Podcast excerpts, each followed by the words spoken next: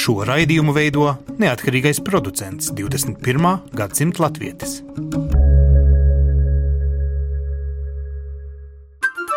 Lai kur mēs būtu, Lai kur mēs būtu, Lai kur mēs būtu, Lai kur mēs būtu, Tie esam mēs. tie esam mēs. mēs. Tie esam mēs. Mēs! Tas ir par mums! Tas ir par mums. tas ir par mums.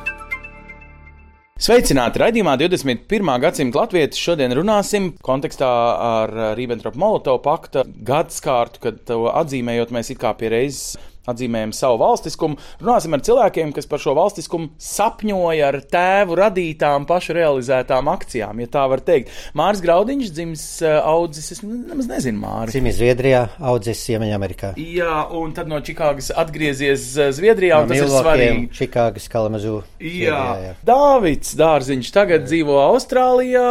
Kur tu esi dzimis? Es esmu dzimis uh, Adlaidē, Dienvidu Austrālijā, un tagad uh, dzīvoju Melburnā, Austrālijā. Bet 85. gadā tu biji students, kurš bija iemaldījies te Baltijā apzināti, jo brauc studēt uz Eiropu. Nē, nē, es uh, tajā laikā studēju uh, Adlaides Universitātē, un vienkārši radās uh, iespēja piedalīties vairākās politiskās akcijās.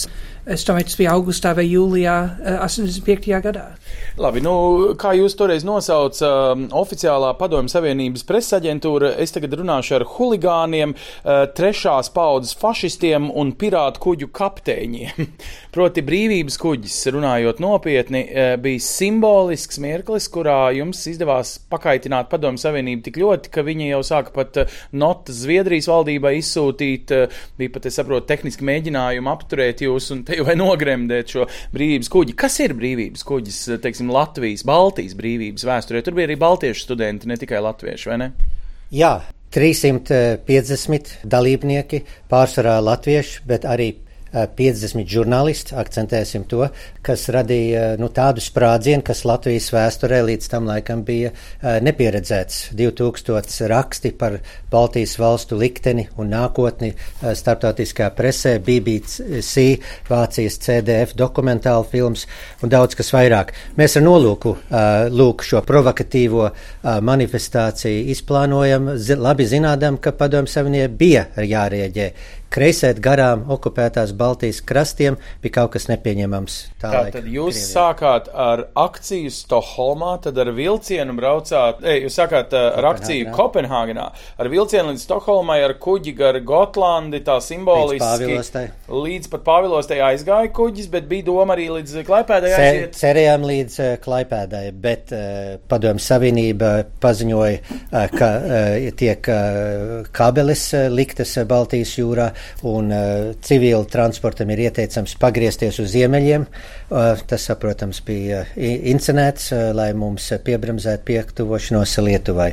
Virziemies uz uh, ziemeļiem pie Pāvilos līdz Igaunijai un Somijai. Nu, un tātad Somija jau kā brīva teritorija, jūs sveicat, tur, kā zināms, Helsinku miera konference arī notika, un jūs tikāt nosītī tā kā apzināti izvēlējāties, vai ne, to miera konferences uh, ietvaru arī. Brīva, brīva teritorija nosacīta, par to jau politologi un Somi paši strīdās, cik lielā mērā finlandizācija bija ierobežojusi Somijas neatkarību.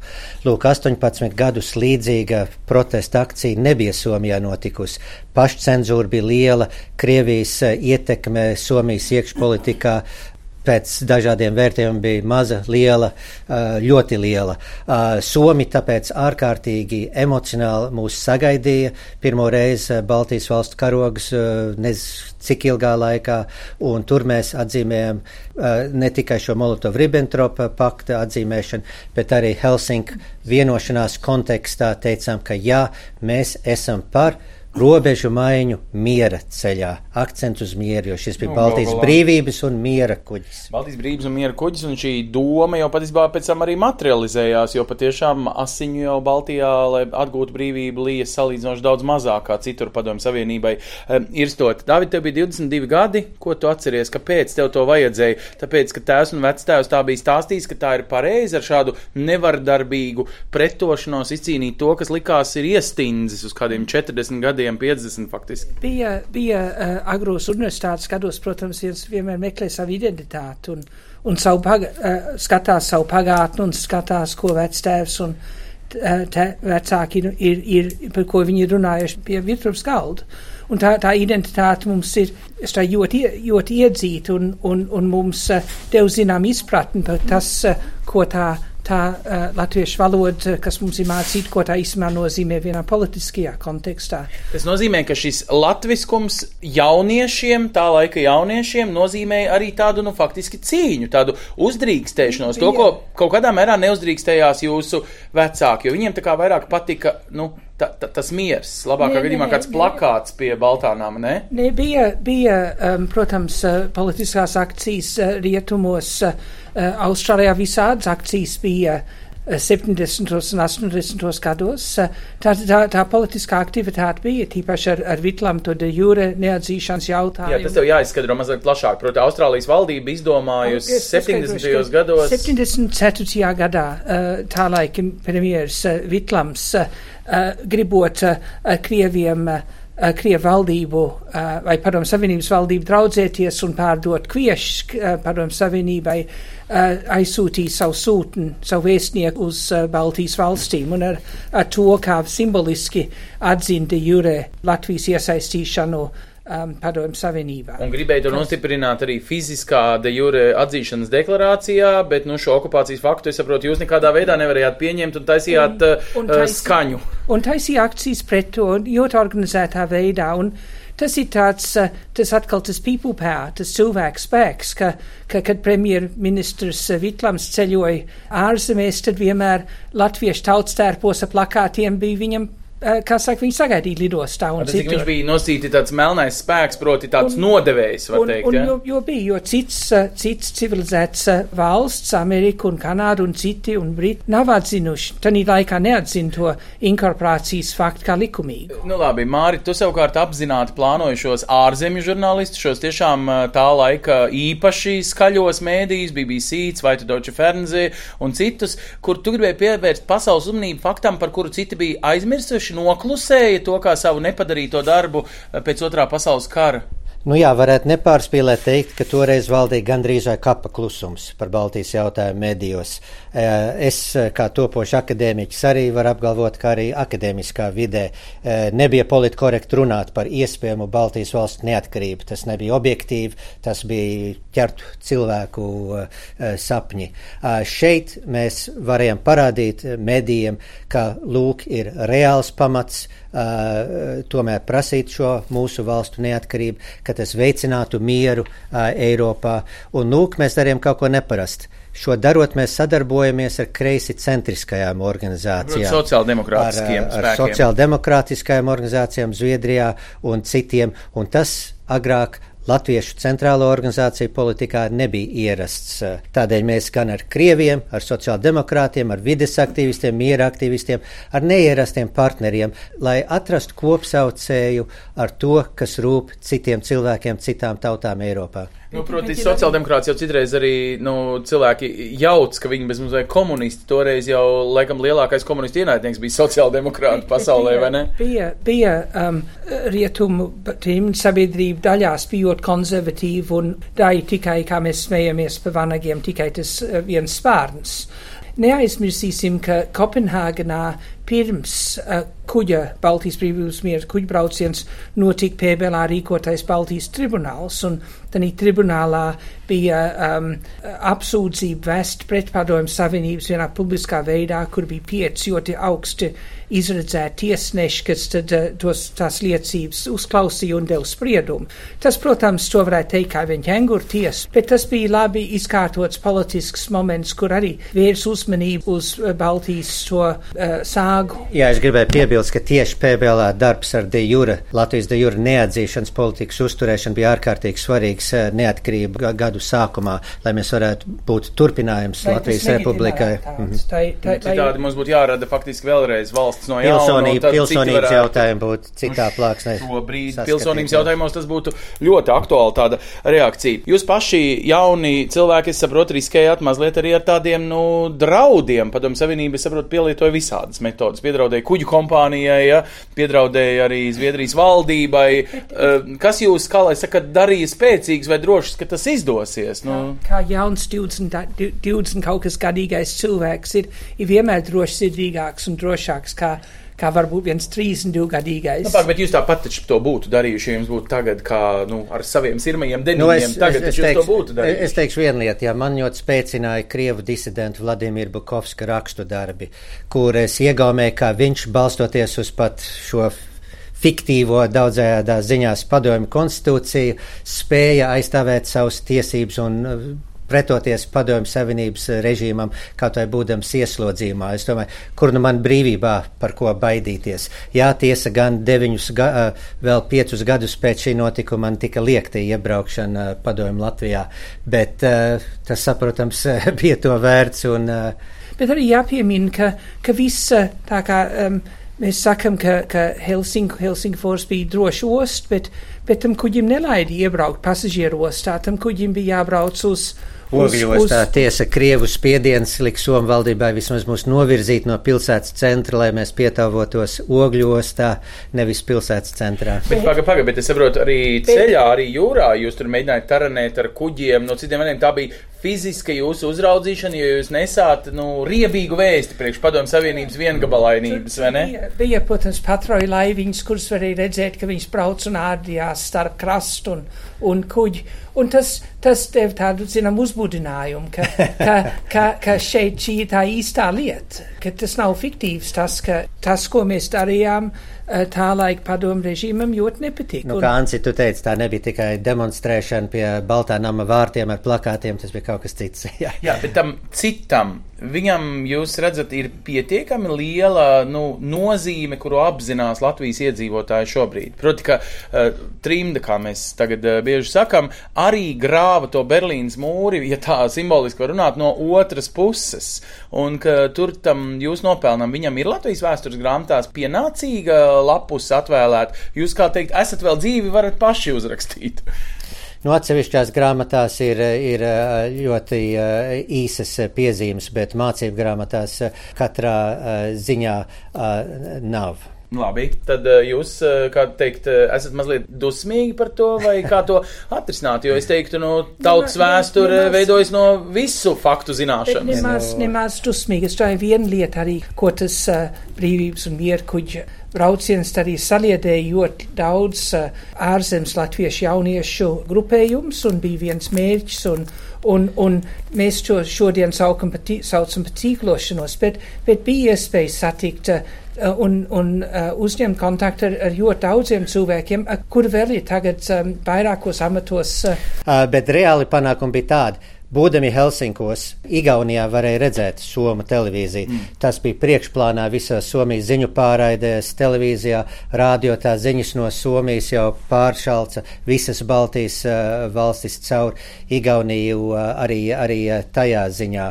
Bija uzmanība dota gan Čepāna kungam, Liepājā kompartijas pirmajam sekretāram toreiz. Visiem bija jābūt modriem pret šo kā jūs teicāt, trešās fašistu paudzes Jā. pirāta kuģa akcijas. Nu, nu, to teica padomu presa, tagad pašķirstīsim, ko teica rietumu presa, cik lielā mērā viņi saprata šo Baltijas stāstu. Te ir Mārta apkopojums ar kopijām, no es saprotu, tad te jau vai visiem izdevumiem, un tas patiešām ir laikrakstu pirmās lapas, kuras ir izkopētas, te ir daudz, kas KGB, cik es saprotu, zviedrolodie KGB mēģina jūs atturēt, kas vēl ir rakstīts šajos virsrakstos. Nu, pieprasām kodolbrīvu zonu Baltijas jūrā. Tas arī bija kaut kas, kas interesē citām tautām, ne tikai baltiešiem. Lūk, mūsu mērķis bija savienot mūsu rūpes ar to, kas rūp citām tautām. Baltijas valsts neatkarība kā tāda, retam kādam bija dzīves vai nāves jautājums. Visiem rūp, lai būtu miers, lai būtu tīra Baltijas jūra, un mēs sasaucamies ar zaļās kustības, ar mieru kustības rūpēm, lai, lai šie jautājumi radītu kopsaucēju. Tātad, pat neitrālā Zviedrija šai brīdī jau ir gatava iesaistīties kā sabiedrība. Ja? Kad jūs runājat par, piemēram, kodolbrīvību, par vispārējo ekoloģiju un citām lietām, jūs apzināti paplašinājāt. Tur nebija tikai sauklis atbrīvojiet Baltijas valstis. Jā, tieši tā. Zviedru liberālās partijas vadītājs arī uzrunāja mūsu pasākumu. Bruno Kalniņš no Latvijas sociāldemokrātiem bija klāt pie mums, kurš bija saikne ar kreiso Zviedrijas sociāldemokrātisko valdību. Un pēc šī kuģa brauciena ir dzirdēts no sociāldemokrāta deputātiem, ka attieksme mainījās. Lūk, Baltijas valstu jautājums tiek uz, uzskatīts kā reāli daļa no nākotnes dienas kārtības, nevis kaut kas tāds, kas bija daļa no notikumiem, kas risinājās otrajā pasaules kara laikā pirms 40 gadiem. Jo jūs arī laikam tiešā veidā neprasījāt, mēs gribam iznīcināt padomu savienību. Jūs tikai prasījāt, atdodiet mums tās trīs okupētās mēs prasījām, lai izpilda Helsinku vienošanos, lai dod cilvēkiem tiesības lemt savu nākotni un mainīt robežu miera ceļā, ja būtu tāda vēlme. Vācijas atkal apvienošanās bija dienas kārtībā šobaldien arī īrijas potenciālā atkal, atkal apvienošanās ir atkal celta dienas gaismā sakarā Brexit sarunām. Tas nozīmē, ka šīs vēsturiskās izmaiņas agrāk vai vēlāk pienāk, nu, latvieši tagad laikam līdzībās domā par Krimu. Vai tāds miera kuģis varētu, nu, kā saka, simboliski palīdzēt tagad ceļojot tur Melnajā jūrā, piemēram, Krimai, vai šādas nevardarbīgas cilvēcīgas kustības, viņām ir jānobriest 50 gadiem, un tad jātaisa. Nu, tā, tas būtu skaists eh, solidaritātes apliecinājums ar uh, Ukraiņu tautu Krimā un ar Krimas tatāriem, kuri Jā. arī kā minoritāte tiek apspiesti tagad uh, Krievijas federācijas okupācijā. Varu tikai pieminēt, ka mēs tā simboliski arī tagad esam uz kuģa ceļā no Zviedrijas uz Latviju šajā Eiropas Latviešu kongresa kontekstā, kurš arī meklē tādu jaunu identitāti, nu, būtībā trimdas vai diasporas cilvēkiem. Kā jums liekas, ko ko tagad trimda vai diaspora dod, var dot, grib dot Latvijai, kur arī šajā kongresā es dzirdēju tādu zīmīgu teikumu no Latvijas vēstnieka Zviedrijā, Iegermaņa. Viņš teica, visas idejas tiek akceptētas, bet jārealizē tās ir Latvijā. Gribat realizēt paši, brauciet, realizējiet Latvijā. Ja? Es, es tomēr teikšu, ka šis ir pretstatā tām uh, pamatdomām, kas izskan mūsu kongresā šeit uz kuģa, gan arī Rīgā pamatdoma, ko es saprotu no Elīnas Pinto vicepriekšsēdētājas, ir tas, ka diaspora, jaunā, eh, jaunā Latvijas paudze ārzemēs var palīdzēt jebkurā gadījumā, neatkarīgi no tā, kur viņi atrodas, ņemot vērā mūsdienu globalizētās apstākļos, un, un elektroniskās iespējas un daudz kā cita. Es domāju, ka ir uh, svarīgi arī skatīties uz to diasporu. Varbūt uh, mazām citām acīm mēs runājam par jauno un veco diasporu, bet varbūt korektākais veids, kā skatīties, ir uz Eiropas pilsons un vecā trimda ka ir tās vairākās, vairākie latvieši, kas ārzemēs dzīvo, viņiem visiem ir cits intereses un, un cits dzīves un cits dzīves posmi, Un tas tā labvēlīgā nostāja, kas, kas ārzemes latviešiem ir, vai nu viņi ir jauni izbraucēji vai veci izbraucēji, tā labvēlīgā nostāja ir, ir kaut kādā veidā, tādā vēnā ir jāieķerās kaut kā. Un tas ir, ko, es domāju, uh, ir jāatrod tas, tas moments un tas veids, kā, kā to labvēlīgo nostāju uh, realizēt. Mm -hmm. uh, vai nu ar pieredzi, vai nu ar padomu, vai nu ar uh, attieksmēm, vai nu ar kontaktiem. Un, un tas ir, es domāju, ļoti svarīgi tādā, ne, mēs nebraukt šeit mācīt, bet, bet vienkārši teikt, vai, vai jums šis ir zināms. Labi, es bet domāju... mēs dzīvojam valstī, kurā, piemēram, sabiedrība sev izaicina, ir vai nav oligarhu sarunas valsts nozakšana, un citi saka, hei, nu tas notiek visur, Jā. un ko. Vai jūs, kas cīnījās ar savu brīvības un miera kuģi par, nu, zaudētas tēvzemes atgūšanu, esat vērtību ziņā atguvuši to, ko gribējāt, vai ir kaut kāda zināma vilšanās, vai jūs netracina, ka mūsdienu sabiedrībā, nu, teiksim tā, jūsu. Latvija, Latvijā, Ans, Latvija ir normāla valsts ar saviem plusiem un, un mīnusiem, bet šeit uh, Eiropas Latviešu apvienības kongresā ir izkristalizējusies doma, ka Latvijas pilsoņi Eiropā, ka ir tiesības būt aktīviem, arī politiski izteikties. Es pats dzīvoju Jūrmalā, Jā. pēc šie cilvēki šajā kongresā grib lepoties ar Latviju. Un viņi grib, lai Latvija būtu labāka. Viņi no malas, no atstatuma kādreiz var redzēt risinājumus. Un tāpēc es kā progresīvās partijas vadītājs sveicu šo vēlmi kļūt uh, pilsoniski aktīvākiem gan nevalstiskās organizācijās, gan politiskās partijās. Paga, paga, nu, kungi, piedodiet, jūs runājat par pilsonisko aktivitāti. Es ticu, ka jūs esat piedalījušies piedalījušies visās iespējamās saimnes vēlēšanās. Māris dzīvo Latvijā, viņam tehniski vieglāk, es pieņemu Davidu to arī. Austrālijā vienmēr esi gājis un balsojis, esi Latvijas pilsonis, bet reālā dzīvē mēs redzam, ka šī politiskā aktivitāte ir katrs desmitais no reģistrētajiem vēlētājiem, ka mītne zem ir atpus Latvijas atnāk. Tas nozīmē, ka nu, būtībā, ja tā būtu valsts, tad tā būtu nedemokrātiski ievēlēta valdība, jo tikai katrs desmitais ir piedalījies. Kā to tagad pārvērst tiešām aktīvā politiskā līdzdalībā, pat ja nedzīvo Latvijā, bet tā Latvija bija tik svarīga, ka par viņu bija vērts cīnīties 85. gadā uz kuģa. Es domāju, tagad notiek zinām rezen, re, renesanse, gluži līdzīgi kā Rēzeknes eh, kongresa simtgadē notika Latgales renesanse, paniek šeit arī sāk sasparoties uh, gan uh, vecā trimda, gan Latvijas pilsoņi ārzemēs Eiropā par to, ka viņi grib dot no savas ārtavas un no savām zināšanām Latvijai, un tagad sāk spērt konkrētus soļus, lai to darītu. Tātad pirms 15 gadiem mums vienkārši nebija, vai, vai pirms 10 gadiem bija pat viss tās debats, vai pat ārzemēs varēja balsot ar, tādā, tā, ar, ar pastu un tam līdzīgi. Un tas likums ir, ir tagad mazliet labvēlīgāks, un to, to vēlēšanas likumi jāpatais vēl labvēlīgāku. Bet jūs tādā... to, nu, varētu ziņā, savā ziņā paradoksu. Jūs bijāt gatavi savā jaunības maksimālismā noīrēt vienu kuģi, es pieņemu, tas bija arī dārgi gal galā, ja? un cīnīties par kaut ko, ko citi sauc par nereālu, bet tagad, kad tas ir sasniegts šī demokrātija valstī, nu, teiksim, tāda reālā gan trimda, gan cita diasporas daļa, politiski ir inerta patiesībā, ja skatās uz skaitļiem. Nu, kā to domāju, kanalizēt, nevar, kā tagad nevar, moderni saka? Nevar tikai teikt, ka, ka tas fakts, ka maza grupa no uh, iespējamiem pilsoņiem ārvalstīs balso, tas nozīmē, ka viņiem nav interesi.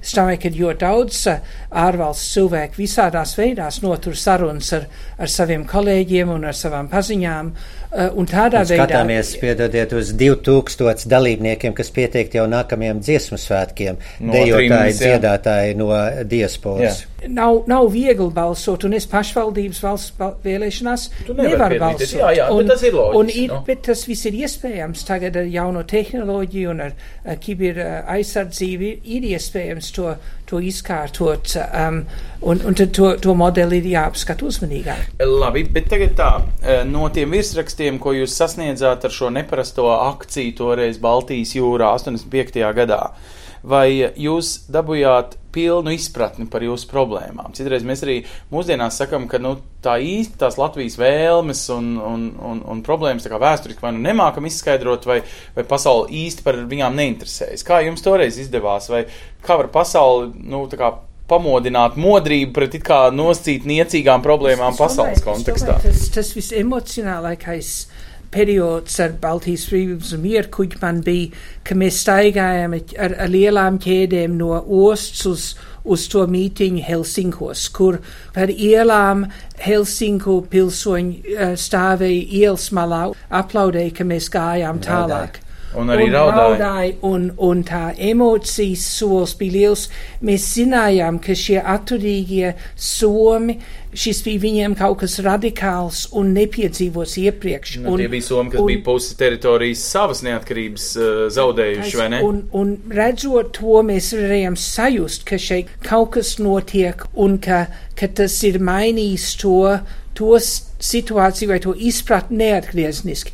Padomāsim par Latvijā pirms brīvības atgūšanas um, 90. gados, ka liels Latvijas sabiedrības grupas uh, pulcējās krastmalā un, un bija, bija tāds saviņojums. To mēs varējām daļēji just arī Somijā. Vai panāca virsrakstos to, kas, ko tas brīvības kuģis gribēja panākt? Protams, ka nē, bet panāca kaut ko, es domāju, vēl labāk, ka tev bija um, sabiedrības līdzdalība vismaz Somijā un tā prese uh, Zviedrijā bija, bija vis, visumā bija troksnis un labvēlīgi noskaņot. Tagad attīstam to domu tālāk. Nu, ja mēs tagad sasniedzām ar jūsu rokām to, ko gribējām, atguvām neatkarību, tad teorētiski tagad mums vajadzētu doties palīgā, kā lūk, Zviedri deva kuģi un citi deva naudu un citi mūs uzklausīja un ielaida šajās brīvajās teritorijās šajā akcijā. Mums vajadzētu tagad kā brīvai republikai, varbūt visām trim atgūtajām republikām, doties palīgā no tām apspiestajām teritorijām, jebkur. Vai tur mēs esam meistari, jeb tur vairs mums, kā saka, negribās līst, jo tur ir mūsu mazās nācijas, mazās iespējas, un tad mēs attaisnojamies, kāpēc to nedarīt. Jo arī Zviedri varēja izdomāt, kāpēc to nedarīt un aizliegt jums to darīt. Es domāju, ka mums nevajag pārspēlēt mūsu varēšanu un varenību. Mums ir stingri jāturās pie mūsu vērtībām, arī ārpolitikā, cik vien iespējams, lai gan ārpolitika kādreiz vēl nešķīstāk lieta nekā Jā. iekšpolitika. Un es domāju, ka mums jāapzinās to, kur mēs esam. Daļa no Baltijas brīvības un miera kuģa filozofijas bija, ka mēs apzināmies, ka pasaulē notiek pārmaiņas, ka padomju savienība mainīsies. Esmu pārliecināts, ka arī Krievija mainīsies. Varbūt nemaz eh, tik eh, tālajā nākotnē, gribā no Putina kunga veselības mm, un daudz citiem mm. apsvērumiem. Mēs esam tur, kur mēs esam, un es domāju, ka arī Latvijas ārpolitikā un politikā mums ir jāapzinās, ka mēs dzīvojam blakus lielai valstī, kura nebūtu vienmēr nav pretīm nākoša mums, bet mums jāapzinās, kur mēs esam, un ar Krievijas tautu mums ir jātīst saiknes un jāplāno jā, jāvadās pēc tā, ka mēs joprojām dzīvosim blakus Krievijai nākotnē. Jūs bijāt hiperaktīvi jaunieši, un jums bija, nu teic, dega acis, sirds un dvēseli, viss bija vajadzīgajās vietās. Tagad jūs negribētu kaut kādu līdzīgu, sauksim, pasaules glābšanas deksmi redzēt savos bērnos, ka viņi dotos, es nezinu, atbalstīt Ukraiņu komūnu cīņā par Krimas vai Doņetskas atdošanu vai apkāziešus, kuriem gal galā pus teritorijas ir nogriezt vai, nu, tam līdzīgas lietas. Vai mums vajag iesaistīties šajos procesos? Nu, kaut vai tāpēc, lai uzturētu šo mums vajadzīgo vērtību, temperatūru pasaulē. Nevar pasaulē atrisināt visu uh, badu un uh, izsalkumu un ūdens trūkumu. Un, uh, es domāju, ka mums pašiem ir arī jāskatās, ko, kas ir iespējams un var dot atbalstu un palīdzību līdzīgiem projektiem, bet es domāju, ka savas enerģijas, eh, kā saka, nedēļā ir tikai 68 mm. stundas, un ka, ka tās enerģijas, kas mums katram ir, ir mums ir jālieto liekterīgi un mētiecīgi. Un eh, es nedomāju, ka Mārs ir sēdējis uz rokām pēdējos 30 gadus, un mm. es arī neesmu sēdējis uz rokām. Ir, ir ļoti daudz lietas mūsu vietējās sabiedrībās, eh, pie kurām mēs uzmanīgi apskatām un ķeramies. Citreiz cilvēki it kā saka, hei, valstī ir zudis tāds liels attīstības mērķis. Tie bija tur iestāties NATO, protams, atjaunot brīvību, nu, visas šīs lietas. Un tad eh, citreiz liekas, hei, bet varbūt cīņa par labāku bet, eh, pasauli bet, ir tas, ko jauniešu bet, maksimālismam vajag darīt. Nu, jā, es, es, es neesmu pret to, esmu par to, bet mums jāapzinās, ka mums vēl daudz darāmā ir, lai nostiprinātu mūsu mūsu uh, drošību. Mēs redzam, ka NATO pirms desmit gadiem nav tas NATO, kas šodien ir prezidenta Trumpa valdījumā. Mēs dzīvojam pārmaiņu pasaulē, kā es minēju. Tā kā mums ir daudz, kas vēl darāmā, lai mēs Eiropas ietvaros ar mūsu kaimiņu valstīm nostiprinātu mūsu drošību, un mums uh, jāskatās, un arī mūsu reģionos integrēt sabiedrība Latvijā, Latgales uh, augšupē, lai stiprinātu mūsu robežu uh, teritorijas. Daudz, kas mums ir da darāms vēl joprojām Latvijas ietvaros, Eiropas ietvaros, un Eiropai, kā zinām, ir arī, ir arī austrumu kaimiņu, kaimiņu valstu politika, kur ar Kaukāzu valstīm, Ukrainu ir arī sava politika, kura mums ir atbalstām. Jā. Paldies, kungi! Katrā ziņā pat, ja Krievijas presi jūs toreiz sauc tiešām par uh, huligāniem, uh, trešās paudzes fašistiem un uh, pirātu kuģa trakuļiem, laikam bez visām šīm jūsu jaunības dienu ieguldījumiem, mēs te, nu sazinu, kādā valstī sēdētu tagad uh, Ribbentrop-Molotov paktu piemiņas dēļ, kā teikt, mēs savā ziņā atceramies vienmēr šo dzīvo cilvēku ķēdi starp Tallinu, Rīgu un Viļņu 600 km garumā, bet šis brauciens jau patiesībā ja ieskatās Baltijas jūras kartē, bija gandrīz tas pats, tikai jūrā savienot šo uh, brīvo valstu teritorijas un atgādināt par to, ka tām ir tiesības pašnoteikties. Lielas paldies, kungi, gan Dāvidam Dārziņam, gan Mārim Graudiņam par šo vēsturisko ieskatu. Cerams, ka vēstures grāmatās drīz parādīsies arī viena lapusīte, kas izskaidros šos notikumus. Mēs savukārt redzījumā 21. gadsimta latviešu katru nedēļu ieskatāmies tādos mazos ieteikumos. Ja dzīvojat ārpus Latvijas, ko diasporā varat piedzīvot ar bērniem, bez bērniem, varbūt kādā saviesīgā pasākumā, arī jūs, lai kur jūs arī būtu.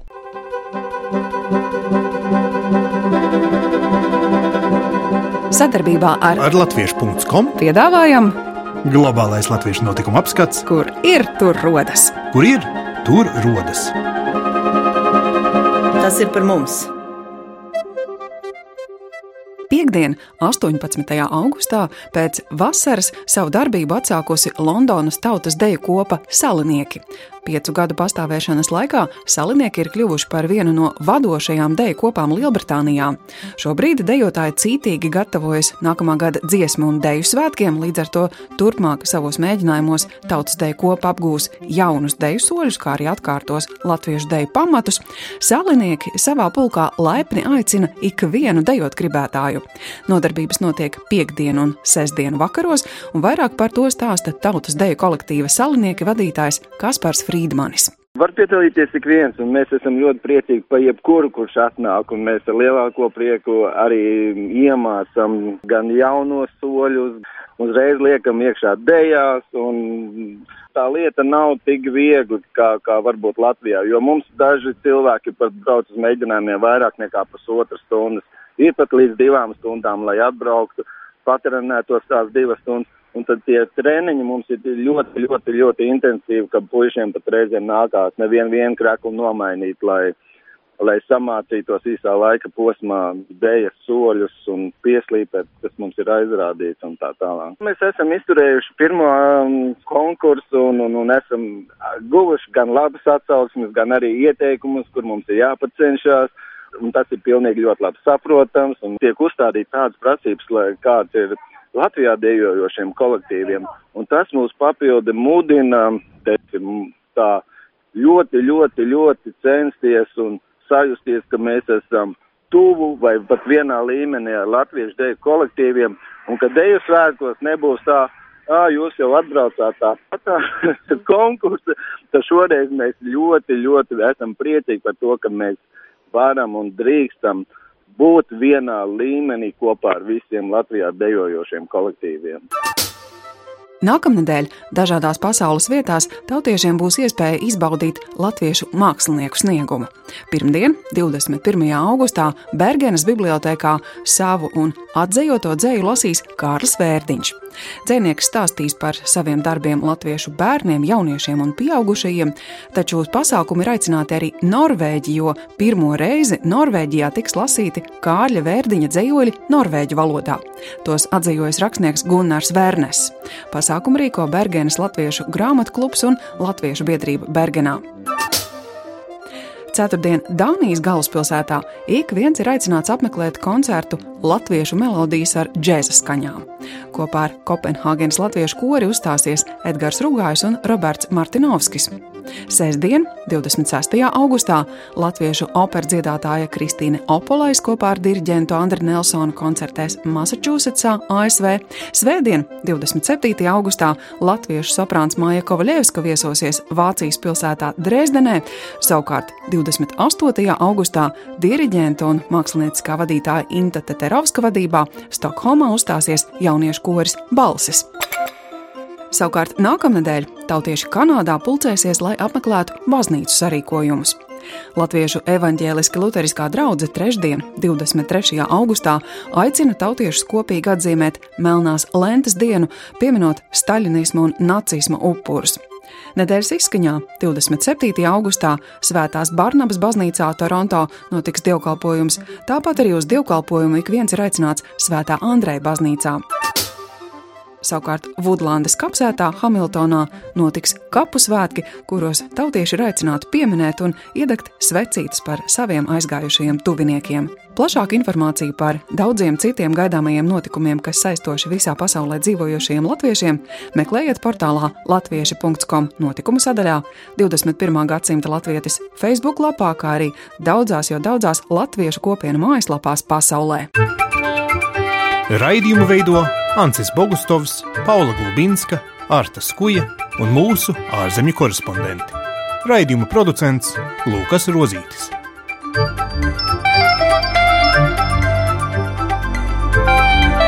Lai kur mēs būtu, lai kur mēs būtu, tas ir par mums. Tie esam mēs. Tas ir par mums. Tie esam mēs. Tie esam mēs. Tie esam mēs.